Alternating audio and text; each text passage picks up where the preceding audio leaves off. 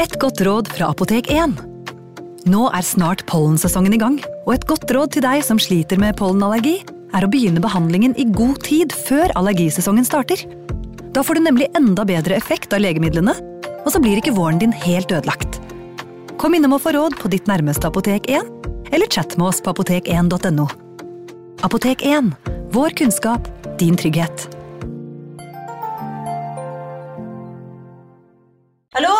Jeg kommer fra Oslo politikammer.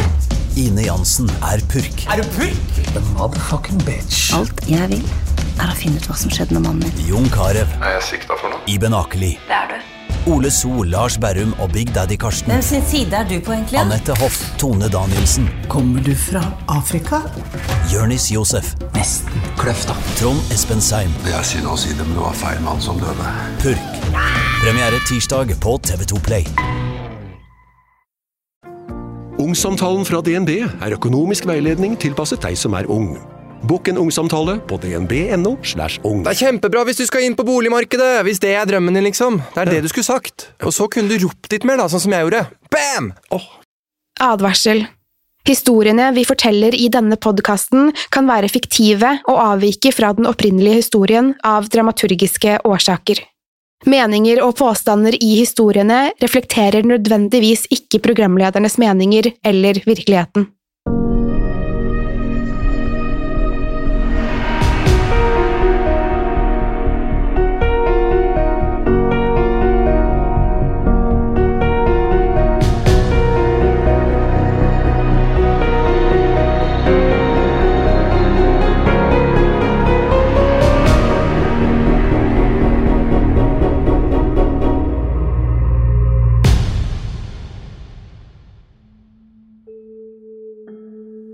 Har du noen gang hørt fortellingen om Bloody Mary?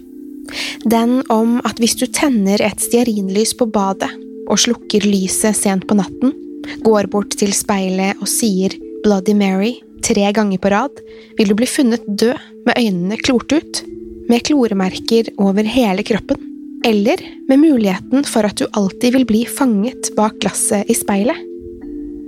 Det finnes historier om Bloody Mary fra hele verden. Det har blitt til et kjent navn blant mange. Felles for disse fortellingene om henne er at navnet blir brukt om en avvist kvinne som det skjer noe fælt med, og som nå hjemsøker folk som påkaller henne. Denne episoden vil ta for seg noen av disse fortellingene. Velkommen til Skrekkpodden. I ritualet som er mest kjent i dag, vil Bloody Mary dukke opp om hun tilkalles i speilet på et mørkt bad kun opplyst av stearinlys. Det mest kjente er å si navnet tre ganger på rad, mens noen mener at det må sies seks, syv og kanskje 13 ganger.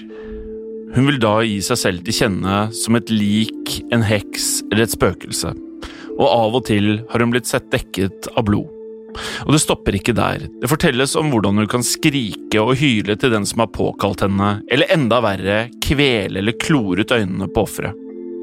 En av de eldre Bloody Mary-ritualene har innebært at unge kvinner har blitt oppmuntret til å gå opp en trapp baklengs, mens de holder et stearinlys og et håndspeil i et mørkt hus uten noe annet lys. Det ble sagt at om de så inn i speilet, ville de få et glimt av sin fremtidige ektemann i refleksjonen men det var også en risiko for at de i stedet ville se en hodeskalle eller ansiktet til mannen med ljåen. Det ville bety at de aldri ville rekke å møte sin ektemann før døden tok dem, gjerne kort tid etter ritualet. En annen gammel myte handler om en heks ved navn Mary Worth. Landsbyfolkene kunne ikke bevise at hun faktisk var en heks, men de hadde sine mistanker rundt denne tilbaketrukne, eldre kvinnen som levde isolert dypt inne i skogen i en trehytte. Til tross for at hun holdt seg unna landsbyen hun bodde ved, var innbyggerne der svært klar over hennes nærvær. De holdt seg på avstand fordi ryktene sa at om man kom nære henne, kunne hun kaste en forbannelse over dem og deres familier. Den gamle damen ble likevel oppsøkt av folk som var nysgjerrige på hennes mystiske oppførsel, og ble naturligvis mer fiendtlig innstilt mot dem også. Men så begynte små jenter å forsvinne. Landsbybeboerne lette høyt og lavt etter dem. alle mulige steder de kunne ha gått, men uten å lykkes. En liten gruppe tok turen ut til Marys hytte i skogen og håpet at den mystiske gamle damen kunne ha noen svar. Men da de kom til hytten, var det ikke en gammel dame som møtte dem. Det var en ung, frisk og vakker kvinne. Dette gjorde dem enda mer mistenksomme. En natt våknet en ung jente av en merkelig lyd. Den var fortryllende, nesten hypnotisk. Det var bare hun som hørte den, og mens familien sov trygt i sengene sine, vandret hun ut av hjemmet. Moren våknet av at døren lukket seg bak henne, og gikk bort for å se hva som foregikk. Og der ute kunne hun se datteren gå rolig inn i nattemørket. Moren vekket så faren. Han er bymesteren, lederen av landsbyen. Sammen følger de etter datteren på avstand, forskrekket av hvor fjern, men samtidig hvor målrettet hun virker. På veien vinkler til seg et par bønder som blir med dem for å se hvor jenta er på vei. De går lenger og lenger inn i skogen, og datteren ser ut til å være tiltrukket av en slags kraft, men de kan ikke se noe. Etter å ha gått et stykke ser de et lys langt inne i den mørke skogen i den retningen datteren går. Da begynner de å rope på henne, men hun reagerer ikke. Jenta kommer så til en lysning. Foreldrene ser på den andre siden av den lille enga, står Mary Worth under et eiketre og ser på jenta. Hun holder denne merkelige lyskilden i hendene rettet mot tenåringen, som nå begynner å bevege seg raskere mot den gamle damen. Da legger foreldrene og bøndene på sprang, høygaflene hevet, rettet mot Mary Rath. Så forsvinner lyset. Det blir helt mørkt. Kun månen lyser opp rundt dem. Jenta kommer til seg selv og forstår ikke hva som har skjedd. De voksne prøver å finne Mary, men hun er som forduftet i mørket. Plutselig hører de en lyd lenger inn i skogen. Den gamle damen må ha snublet og falt. De løper etter og finner henne på bakken. Hun prøver å komme seg på beina, men hun er gammel og strever. Bymesteren tar frem en ladet pistol fra frakken og retter den mot henne. Så skyter han. Skuddet går rett inn i hoften på Mary. Hun skriker av smerte. Landsbyfolkene tar henne med seg tilbake og binder henne til en påle midt på torget. Ved daggry samles innbyggerne, og de setter fyr på den gamle damen. Nå vil de være helt sikre på at heksen forsvinner for godt, og at de mystiske forsvinningene stopper.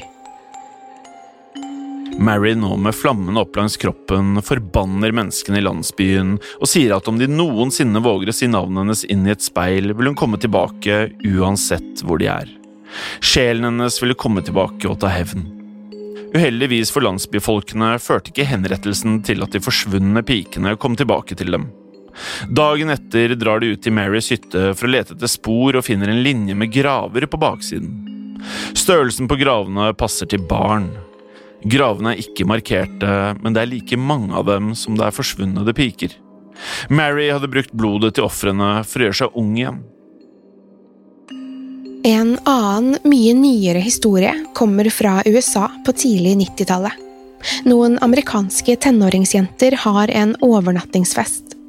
Og som på mange andre overnattingsfester kommer man inn på spøkelseshistorier.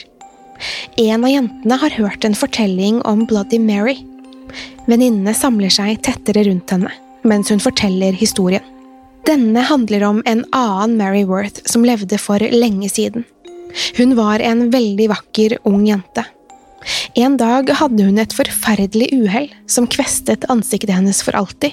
Det var så ødelagt og stygt at ingen ville ha noe med henne å gjøre. Den stakkars jenta maktet ikke lenger å se på sitt eget speilbilde.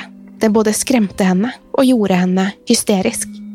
Før ulykken hadde hun tilbrakt mye tid med å beundre sin egen skjønnhet. En natt fikk hun ikke sove, og hun gikk bort til speilet på soverommet sitt. Denne gangen ble hun så opprørt og knust over savnet etter sitt gamle jeg at hun gikk inn i speilet for å finne det, samtidig som at hun sverget på at hvis noen så henne i speilet, ville hun ødelegge ansiktet deres også. Tenåringene blir skremt av historien, men velger likevel å prøve det ut. De slukker lyset, samler seg rundt et speil og sier Mary Worth, Mary Worth, jeg tror på Mary Worth. Den syvende gangen de sier regelen, begynner en av jentene nærmest speilet å kave seg unna, forskremt. Hun skriker så høyt at moren i huset hører det og kommer løpende inn på rommet og slår på lyset. Den hylende jenta sitter i hjørnet av rommet, på motsatt side av speilet, sammenkrøllet og livredd. På høyre kinn har hun noen lange kloremerker. Blodet renner. En annen fortelling som ligner veldig, handler om Mary Worthington. En veldig vakker jente som skulle ha levd på 1960-tallet og brukte timevis på å nyte synet av sitt eget speilbilde. Helt til hun fikk det ødelagt i en bilulykke. Ansiktet så så grusomt ut at ingen klarte å se på henne. Selv unngikk hun å se seg selv i speilet helt til det skjedde ved et uhell og hun fikk et glimt av sitt nye jeg. Etter dette begikk hun selvmord. Denne skikkelsen har flere navn, som for eksempel Scary Mary, Hell Mary, Mary Worth, Mary Worthington, Mary Wales, Mary Johnson, Mary Lou, Mary Agnes, Black Agnes, Aggie, Svarte Madame, Svarte Matilda. Mary Weatherby var en kvinne som ble knivstukket i hjel av sin ektemann, og det sies at om du går inn i et mørkt rom og sier hennes navn tre ganger, så vil ansiktet hennes dukke opp i et speil med refleksjoner. Ansiktet skal være oppskjært, og hun skal angripe med en blodig kniv. En annen Mary var Mary Lou, en jente som levde sine beste tenår i USA på 1950-tallet. Hun ble utnevnt til skoleballets dronning og danset lykkelig med vennene sine. Da bestemte noen seg for å tulle litt med henne og kastet kinaputter mot jentene. Uheldigvis traff de kjolen, og kort tid etter sto Mary Lou i full fyr og flamme, og hun ble levende brent før noen klarte å redde henne. Mary Johnson var en heks som ble brent på bålet under heksebrenningene. For å tilkalle henne må man sitte i et helt mørkt rom, i en sirkel med flere personer, og holde hender. Så skal man gjenta navnet hennes flere ganger. Mary Johnson, Mary Johnson, Mary Johnson. Historien sier at et svakt, hvitt lys vil dukke opp over en av personene i sirkelen. Hell Mary er en motsatt versjon av Hail Mary, som i Hyll Mary. Det er en legende som påstår at hvis du går inn i et mørkt rom og sier Hell Mary syv ganger inn i et speil, vil speilet bli dekket i rødt blod, og du vil se djevelens ansikt.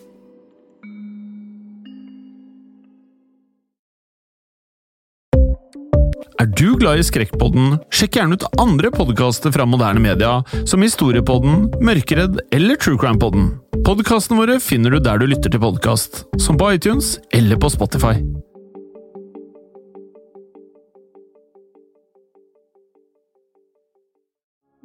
I Sverige har man en variant man kaller Svarte madam, som også dukker opp i speilet, men her må man si 'jeg tror ikke på deg, Svarte madam' tolv ganger. Hun har helt svart hud, grønt hår, røde tenner og lysende gule øyne. Dama Pika, som på engelsk heter Queen of Spades, er den russiske versjonen av Bloody Mary. Det sies at hun var en heks som ble voldsomt banket opp og sendt ut i skogen for å dø. Før hun døde, rakk hun å forbanne verden. Hele verden.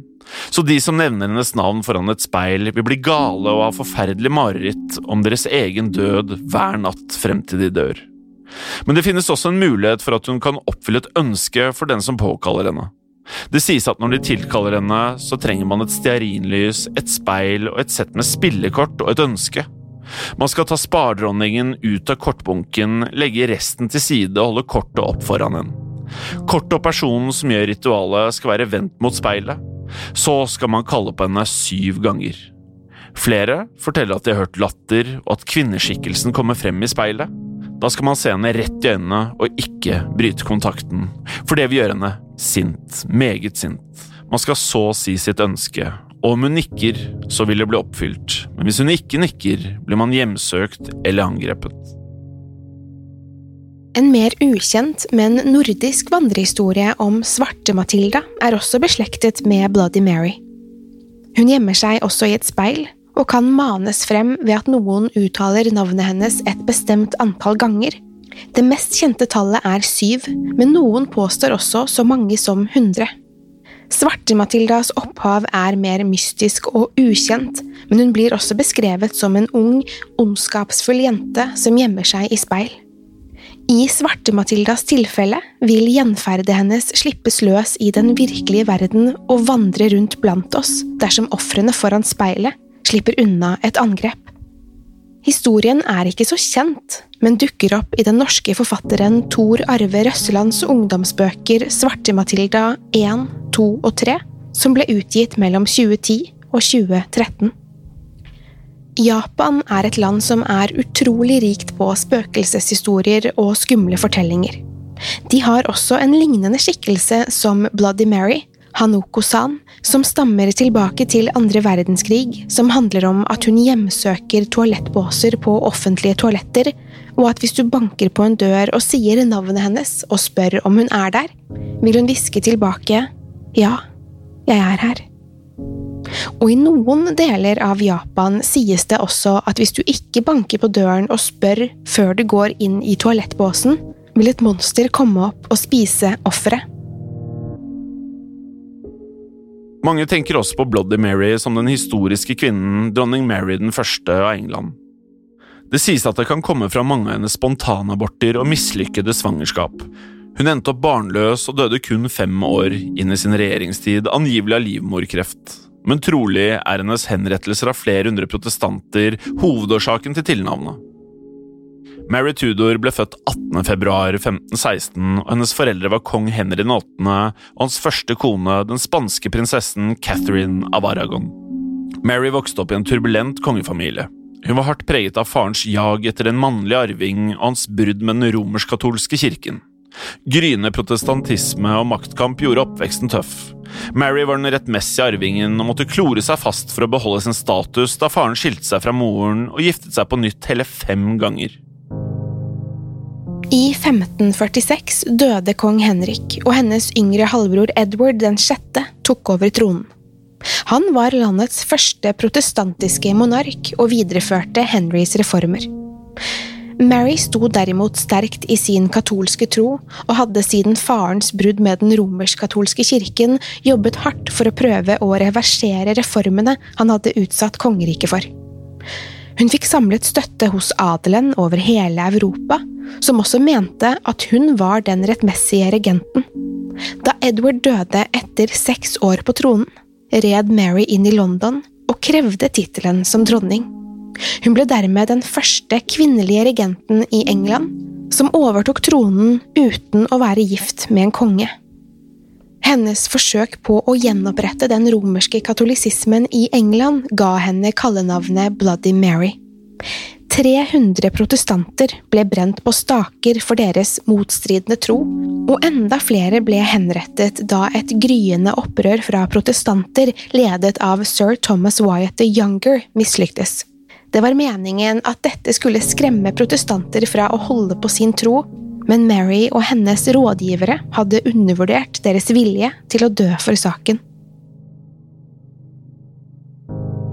Mary satt på tronen i kun fem år før hun døde. Hvorvidt det brutale kallenavnet er fortjent, er omstridt, for selv om hun sørget for hundrevis av dødsfall, var hun tross alt ikke den verste i sin familie eller i Europa for den saks skyld. Til sammenligning skal faren Henry den 8. ha beordret døden til så mange som mellom 57 000 og 72 000 mennesker, inkludert to hans hustruer i løpet av sine 40 år på tronen. Halvbroren Edvard den sanksjonerte undertrykkelsen av bønnebokopprøret, noe som resulterte i dødsfall opp mot 5500 katolikker. Og Marys halvsøster, overtaker av tronen Elisabeth den første, beordret henrettelser av rundt 800 katolske opprørere, og fikk minst 183 katolikker hengt, trukket eller kvestet som forrædere. Uansett en svært blodig tid i det engelske kongehuset. Dronning Mary den første har siden sin regjeringstid måttet bære dette kallenavnet, men er nok hovedsakelig de mange vandrerhistoriene som er de mest populære å trekke frem rundt leirbålet. En av de mest kjente historiene om Bloody Mary handler om en ung jente som het Mary og levde på 1800-tallet. Sykdom skylte over landet og byen hvor hun levde, og folk døde etter svært kort tids sykdom. Mange falt om ute i gatene og ble funnet livløse. Hvis det var vanskelig å finne eller kjenne pulsen på dem, sjekket man ofte med et speil mot munnen deres. Hvis det kom dugg på glasset, var det tegn til liv. Hvis ikke, ble vedkommende regnet som død. Den unge Mary ble funnet tilsynelatende død, og ble begravet levende. Det sies også at hun hadde med seg en bjelle i graven, og at man kunne høre lyden av denne hvis man kalte på henne i speilet. Speil har i flere århundrer blitt ansett som vinduer inn til parallelle universer og til den andre siden. En overtro som enda florerer flere steder i verden i dag, handler om at hvis en person dør i et rom med et speil, vil sjelen fanges i huset. Derfor dekker noen til speil med klær og tepper i rom med døende. Fortellingen om Snøhvit, skrevet av brødrene Grim i 1857, var basert på et ritual fra 1700-tallet som brødrene oppdaget på de britiske øyene. Det gikk ut på at unge jenter skulle stå foran et speil opplyst av et stearinlys mens de gredde håret og spiste et eple. Da ville hun se sin fremtidige ektemann ved siden av seg i speilbildet. På 1800-tallet var det en overtro som sa at om man beundret seg selv i speilet for lenge, ville djevelen dukke opp. Så det kan virke som om mennesker har sett skikkelser i refleksjoner i lang, lang tid, og at det ikke slutter. Kan noe av dette forklares? En teori som lenge har reist rundt i nettforumer, utfordrer lesere til å stå foran speilbildet sitt på badet, i mørket, og stirre på seg selv i stillhet i flere minutter. Da vil hjernen begynne å hallusinere. Det man har opplevd etter bare noen få minutter, er at det er som om ansiktet begynner å smelte. Ikke på en grotesk måte, men mer som at det beveger seg rundt. Wikipedia har en egen side som forklarer dette fenomenet. Alle disse historiene har gitt oss innsikt i hvor mye skremmende som kan skje i speil. I 2010, ved universitetet i Urbino i Italia, ble det gjort et forskningsprosjekt som så nærmere på nettopp dette med speil. Deltakerne i et av eksperimentene ble bedt om å stirre på sitt eget speilbilde i ti minutter med svært dempet belysning rundt seg. 66% av personene som deltok, opplevde store deformasjoner i deres eget ansikt. 28% så en ukjent person i rommet, og 48% så uforklarlige skikkelser, mange av en svært skremmende karakter. Dr. Caputo, som utførte eksperimentet, kaller dette for the strange face illusion, og mener at det er en konsekvens av de assosiative refleksene i hjernen vår som gjenkjenner ansikter. Som igjen lures til å gjøre feilkoblinger, og dermed oppfatter hjernen selv et kjent fjes som f.eks. et eget ugjenkjennelig. Den andre forklaringen er at dette fenomenet allerede var oppdaget for lenge siden, tilbake i 1804. Dette ble kalt Troxler-effekten etter fysiker og filosof Ignas Troxler, som gjorde oppdagelsen vitenskapelig. Denne effekten handler om at hjernen hele tiden fokuserer på hva vi sanser og hva vi ikke sanser. Du som hører på, tenker kanskje ikke over hvordan klærne føles mot kroppen akkurat nå, eller kjenner rytmen på pusten, eller er oppmerksom på alle de andre lydene rundt deg. Hjernen fokuserer kun på det som virker viktigst og tydeligst her og nå. Så når hjernen ikke får noe stimuli, noe å fokusere på, vil den etter hvert begynne å jobbe på egen hånd og skape bilder som ikke er der. Mange optiske illusjoner er bygget på denne teorien, det kan være noe av forklaringen på hvorfor skikkelser dukker opp av ingenting, og hvordan hjernen vår henter frem ubehagelige ting fra underbevisstheten vår, hentet fra filmer, illustrasjoner, spøkelseshistorier, eller rett og slett bare fra vår egen fantasi. Fortellingene om Bloody Mary vil trolig aldri ta slutt, og etter hvert som tiden går, vil nye og mer moderne varianter overta. Så lenge mennesker lar seg fascinere av det overnaturlige og det forbudte, vil historiene og leken leve videre.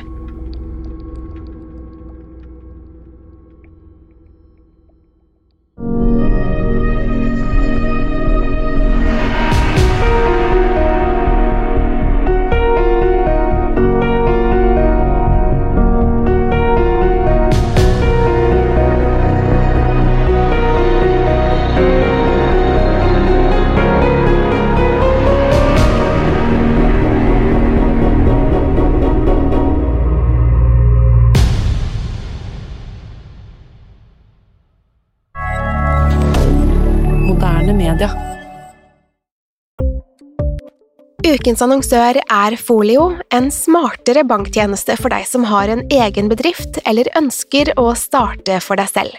Folio er en superenkel nettbank for bedrifter. Som kunde i Folio får du en bedriftskonto med et bedriftskort og app. I denne appen er det smarte løsninger som forenkler regnskapet ditt, uansett om du har en liten bedrift eller et enkeltpersonsforetak.